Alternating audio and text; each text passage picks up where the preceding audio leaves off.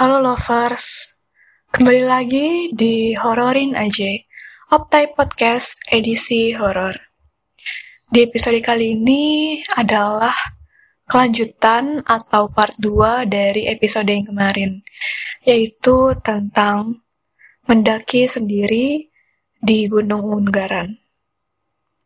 Gue akan melanjutkan cerita episode yang kemarin. Pagi menjelang. Usai menunaikan kewajiban sholat subuh, aku sempatkan ke Sendang Promasan yang dikenal dengan nama Sendang Pengilon. Sendang ini merupakan sumber air utama bagi warga Promasan dan sepanjang aliran airnya nanti. Sendang ini tak pernah berhenti mengalir. Airnya jernih, bersih, dan segar di sendang ini juga ada semacam um, pesanggrahan untuk ritual-ritual khusus yang dilakukan di waktu tertentu. Aku membersihkan diri di sendang ini sekaligus mengisi persediaan air minum untuk kebawa ke puncak nanti. Usai sarapan um, masakan istimewa dari Biung, yaitu nasi sayur tumis labu siam yang dipanen dari kebun samping rumah Biung, Aku sempatkan berjalan-jalan dulu di sekitar Gua Jepang yang ada di salah satu bagian kebun teh Promasan. Um, aku memang tidak terburu-buru untuk segera melanjutkan perjalanan, karena jarak dari sini sampai ke puncak itu sudah dekat. Ya, menikmati suasana sepi dan tenang di sini ketika tak banyak orang memang um, rasanya tuh berbeda dibanding saat ramai di musim pendakian. Aku jadi lebih leluasa menghirup udara sejuk Gunung Unggaran. Mengisi penuh paru-paru ini dengan udara yang bersih dan mengisi kedamaian jiwa ini dengan suasana sunyi dan tenang. Menjelang siang, aku berpamitan dengan Biung dan Kakung atau suami Biung untuk melanjutkan perjalanan ke puncak Unggaran. Sepanjang perjalanan pendakian menuju puncak, sesekali aku masih disapa penghuni asli Gunung Unggaran baik yang memiliki jasad fisik yaitu binatang liar seperti monyet, lutung, ayam hutan, dan lainnya, maupun juga yang gaib-gaib seperti suara orang bicara, suara langkah kaki, sentuhan manja, maupun tiupan nafas di tengkuk. Ya memang ya, jin itu tak kenal waktu jika ingin berinteraksi. Tak peduli siang maupun malam, Ya, terutama jika keadaan sepi seperti ini. Jika ramai, ya jangankan siang, malam pun mereka kadang tak berani. Apalagi jika ada orang yang datang memiliki iman yang kuat, sopan, dan sangat menghargai tempat yang didatanginya dengan tidak mengotori atau merusaknya. Apa pun yang mereka lakukan saat ini, aku juga tidak memperdulikannya, karena aku sudah terbiasa dengan kehadiran mereka sejak perjalananku semalam apalagi saat ini siang. Aku jauh lebih berani menyusuri jalan menuju puncak Unggaran. Sampai di puncak Bayangan 2, sekitar beberapa ratus meter dari puncak Benteng Rider atau um, puncak tertinggi Gunung Unggaran, aku bertemu seseorang yang sedang duduk di sebuah batu di samping jalur pendakian. Nampaknya dia sudah lama duduk di situ sejak sebelum aku sampai. Terlihat dari beberapa puntung rokok yang dibuang di depannya, ya itu merupakan sebuah sebuah tindakan yang tidak patut dicontoh ya, lovers. Aku sempatkan menyapanya ketika hendak melewatinya, karena aku memang tidak berniat berhenti untuk beristirahat di sini. Tetapi jawaban dia justru menyuruhku berhenti untuk menemaninya. Ya, baiklah aku mengiyakan aja ajakannya. Toh aku juga memang sudah lama berjalan, Sejak dari pos 2 aku belum berhenti sama sekali. Dan selain itu aku pun penasaran, kenapa dia juga sendirian sepertiku? Apakah dia penduduk desa bawah sana, atau dia pendaki juga sepertiku? Dari mana, Mas? Ucapnya mengawali percakapan. Khas pembuka percakapan antar sesama pendaki. Dari ini, Mas. Lah, sampean dari mana? Kok sendirian juga? Jawabku sekaligus bertanya. Oh, saya dari situ aja. Iya, memang saya sendirian, selalu sendirian. Kebetulan sampean ke sini, jadi saya nyari teman. Ucapnya sedikit aneh. Tak ada yang aneh dengan orang ini sebetulnya. Aku lihat secara fisik dia tak ada kejanggalan. Kakinya menapak tanah. Pantatnya pun sempurna menempel di batu yang didudukinya. Pakaiannya biasa saja. Celana panjang, baju kaos hitam polos, dan sandal jepit swallow. Namun, tak terlihat ada tas atau ransel khas pendaki. Rokok di sela jarinya selalu menyala. Sesekali dihisap pelan, namun dalam. Dan setiap kali habis selalu membakarnya lagi. Terlihat dari banyaknya untung rokok yang dibuang sembarangan di depannya. Cukup lama aku berbincang dengannya. Aku sendiri lupa apa saja yang kami bicarakan. Ya, jadi Ku bacakan yang ku ingat saja ya. Sampean gak perlu memikirkan hal yang sudah jelas tidak bisa membuat sampean senang. Ya, relakan saja dan lakukan hal lain yang lebih baik, ucapnya. Aku sempat bingung. Bagaimana dia bisa mengetahui isi pikiranku saat ini? Aku tak menjawab ucapan tersebut. Aku hanya terdiam melihat jauh ke arah puncak membelakangi orang itu. Sudah, sepertinya cukup. Kalaupun saya mengajak sampean, sepertinya ada yang tidak memperbolehkan. Jadi sampean hati-hati saja menjalani yang ingin sampean jalani. Ya setelah itu pulanglah, ucapnya. Aku pun menoleh padanya, hendak menanyakan sesuatu padanya. Tapi, ketika pandanganku mengarah ke tempat dia duduk tadi, ternyata orang itu sudah tidak ada. Begitupun sisa puntung rokoknya juga lenyap tanpa bekas. Ucapku dalam hati, ah ternyata setan. Ya, tak apa setidaknya dia tidak mencelakaiku dan menunjukkan bentuk yang tidak menyeramkan. Serta apa yang diucapkan dan pesankan kepadaku adalah hal yang baik. Jadi aku tampil pusing, apalagi ketakutan dengan kejadian tadi. Aku beranjak untuk melanjutkan perjalananku, dan tak berapa lama aku telah sampai di puncak Gunung Ugaran. Di sini aku hanya duduk merenung dan merefleksikan, memikirkan apa saja yang telah kulakukan selama hidupku ini. Apa saja kesalahanku serta dosaku, terutama pada orang tuaku. Aku tidak mendokumentasikan perjalananku ini dalam slide foto, karena selain tak ada niatan, aku juga tidak membawa kamera. Ya, tapi aku selalu menuliskannya dalam catatan yang selalu kubawa ke mana pun setiap aku mendaki gunung. Waktu menunjukkan sudah memasuki waktu sholat asar. Tak terdengar azan dari sini karena lokasi puncak gunung pun jauh dari masjid di pemukiman terakhir. Aku segera menjalankan kewajibanku yang diawali dengan tayamun untuk bersuci, karena tidak ada sumber air di sini. Usai sholat asar, aku segera bersiap melanjutkan perjalanan untuk turun dari puncak. Jalur, jalur turun kali ini aku sengaja memilih jalur Gedong Songo. Ya, bukan tanpa masuk. Maksud, aku sengaja memilih jalur Gedong Songo ini karena um, aku ingin sekedar sambil menikmati suasana wisata besok pagi.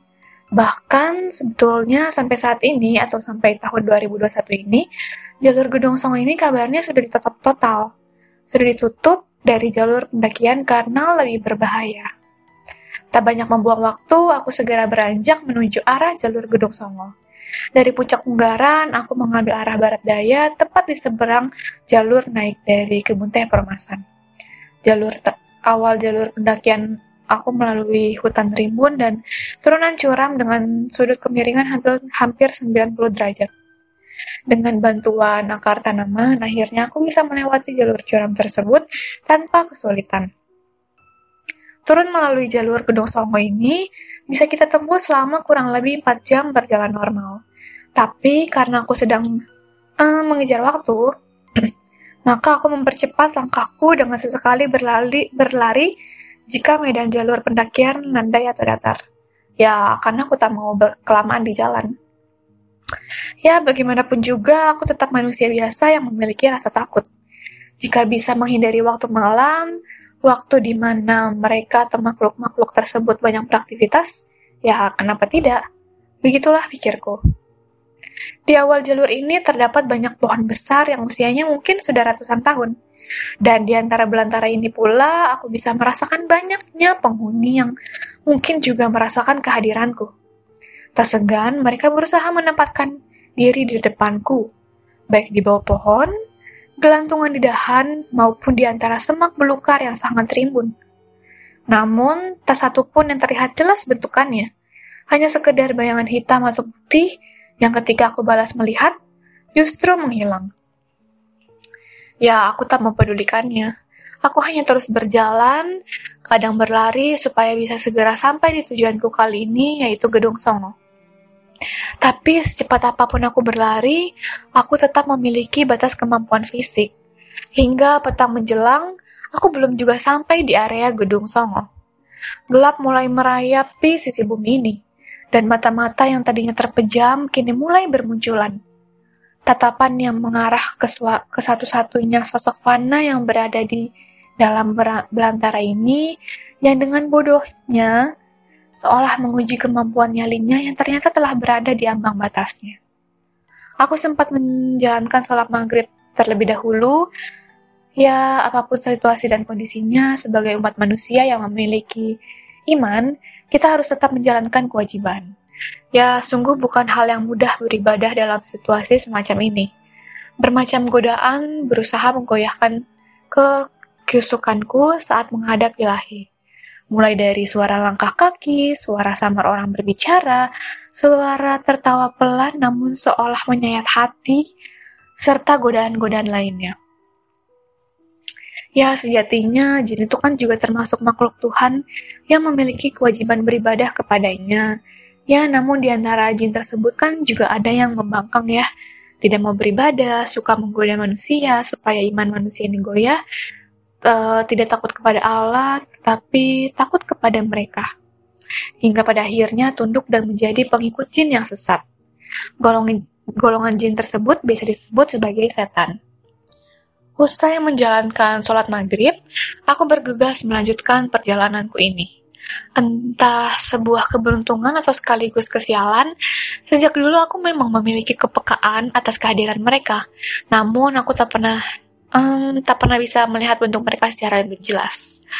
Ya, terutama bentuk-bentuk yang menyeramkan, paling hanya mendengar suara atau sekedar melihat bayangan samar. Ya, tetapi jika mereka muncul dengan menyerupai bentuk makhluk fana secara jelas, aku bisa melihatnya. Namun tak bisa merasakan bahwa mereka adalah makhluk gaib. Seperti saat bertemu seseorang saat perjalanan mendaki sebelum yang puncak tadi itu loh. Dan semakin lama aku berjalan, aku merasakan mereka seolah semakin banyak yang mengikutiku. Tak bisa dipungkiri, kini rasa takut semakin merayapi seluruh sanubariku. Aku seolah semakin terpengaruh dengan godaan-godaan mereka Hingga ketika aku sampai di kawasan Sabana, di mana lokasi Gunung Songo sudah semakin dekat. Aku merasakan langkahku semakin berat. Aku seperti merasakan kelelahan yang luar biasa. Padahal aku tidak membawa beban berat seperti pendaki pada umumnya. Aku berusaha, berusaha payah, terus berusaha melangkahkan kakiku ini. Sampai pada suatu ketika, aku merasakan seluruh tubuhku lemas dan jatuh terduduk. Dalam kondisi dalam kondisiku yang saat ini, aku memejamkan mata, berusaha memusatkan pikiran dan konsentrasi diiringi doa yang kupunjatkan dalam hati. Kini aku merasakan seluruh badan panas. Panas yang seolah membakar. Berusaha semakin keras melawan kondisi ini, aku semakin merasakan kesadaranku yang memudar. Hingga pada akhirnya aku tersadar seperti dikelilingi banyak sekali orang berdiri memandangku yang berbaring tak berdaya ini. Mereka semua berdiri memandangiku. Tak berapa lama, entah apa yang terjadi, mereka semua tiba-tiba pergi seolah ketakutan. Dan aku kembali sadar sepenuhnya. Aku melihat sekelilingku, berusaha berorientasi dengan tempatku saat ini. Aku melihat senterku tergeletak di tanah seperti di tanah persis di sebelahku. Di sekitarku hanya gelap. Samar kulihat hamparan padang rumput dan beberapa pohon. Suara azan samar kudengar terlontar dari pelantang musola atau masjid di bawah sana. Nampaknya sekarang sudah memasuki waktu sholat isya. Dan dengan terdengar suara azan, artinya kini aku sudah tidak terlalu jauh dari pemukiman terdekat. Aku sangat bersyukur karena berkat izin Tuhan, aku masih bisa mendengar suara azan. Masih diberikan kesempatan, keselamatan lahir dan batin untuk terus menyembahnya dalam ibadahku. Usai melanjutkan sholat isya, aku melanjutkan perjalananku. Kali ini aku merasakan langkahku jauh lebih ringan daripada sebelumnya. Mereka yang ada di sini, atau makhluk-makhluk yang ada di sini, masih tetap mengawasi setiap langkahku dari kegelapan. Kali ini mereka tak menampakkan diri di depanku, ya tapi aku tahu mereka pasti masih tetap di sekitarku, jadi aku harus tetap waspada dan berkonsentrasi. Sekitar satu jam kemudian, aku telah sampai di area Candi Gedung Songo. Aku masuk melalui pintu belakang, tepatnya melalui sela-sela pagar yang tidak rapat. Sepi sekali suasana di sini. Ya wajar sih, karena hari ini adalah bukan uh, hari pekan, jadi tak ada yang uh, ngecamp di sini. Di hutan pinus bagian belakang area Candi Gedung Songo ini memang dulu biasa digunakan untuk camping. Entah sekarang masih atau tidak, aku tidak tahu karena aku sudah lama tidak ke sana. Aku melangkahkan kaki menuju ke arah pintu keluar karena percuma juga aku di sini. Selain tidak ada orang lain, aku juga tidak membawa tenda. Jadi lebih baik aku beristirahat di tempat yang biasa digunakan wisatawan untuk beristirahat di dekat loket Candi Gedung Songo. Di depan loket terdapat semacam ruangan terbuka yang biasa digunakan istirahat wisatawan yang ke sini. Aku akan tidur di sana malam ini, karena warung-warung juga semuanya tutup. Semalaman ini aku bisa istirahat dengan tenang. Tak ada satupun gangguan dari mereka yang tak kasat mata, meski kuakui mereka masih tetap mengawasiku dari kejauhan. Dari pekatnya gelap malam yang mampu mengardilkan nyali siapa pun. Entah sisi lain mana aku juga tak mengetahuinya. Makna dari mimpi itu pun aku juga tak bisa memahaminya, dan aku hanya menganggapnya sebagai bunga tidur saja. Tepat, tepat saat uh, azan subuh aku terbangun. Usai melaksanakan kewajiban, aku segera membersihkan diri di toilet umum. Pagi harinya, aku sarapan di warung sekitar sini. Usai sarapan, aku sempatkan jalan-jalan menikmati pemandangan di Candi Gedung Songo. Hari ini ada beberapa pengunjung yang datang dan siangnya aku pun pulang untuk kembali menjalani hari-hariku yang biasa saja. Ya, seperti itu. Tujuanku menceritakan kisah ini adalah tidak melulu gunung sebagai tempat mencekam dan sehoror yang diberitakan di beberapa media lovers. Uh, kadang tuh ia menjadi tempat yang baik untuk uh, lovers mengenal diri kita lebih dalam, merenungi apa yang sudah kita perbuat saat tidak ada lagi pengaruh dunia luar, saat hanya ada kita, Tuhan dan alam yang telah dia ciptakan. Dan selain memahami jalur dan tanda alam, selama tujuan kita baik, hati kita senantiasa mengingatnya dan kita berlaku baik di gunung, niscaya kita akan diberi keselamatan. Dan jika ada gangguan, anggap saja itu bonus sebuah perjalanan. Nah, kurang lebih seperti itu uh, cerita Gunung Unggaran kali ini yang diambil dari tweet at tweet Twitter at m at mwv underscore mystic. Terima kasih yang sudah mendengarkan cerita ini. Semoga bisa diambil hikmahnya.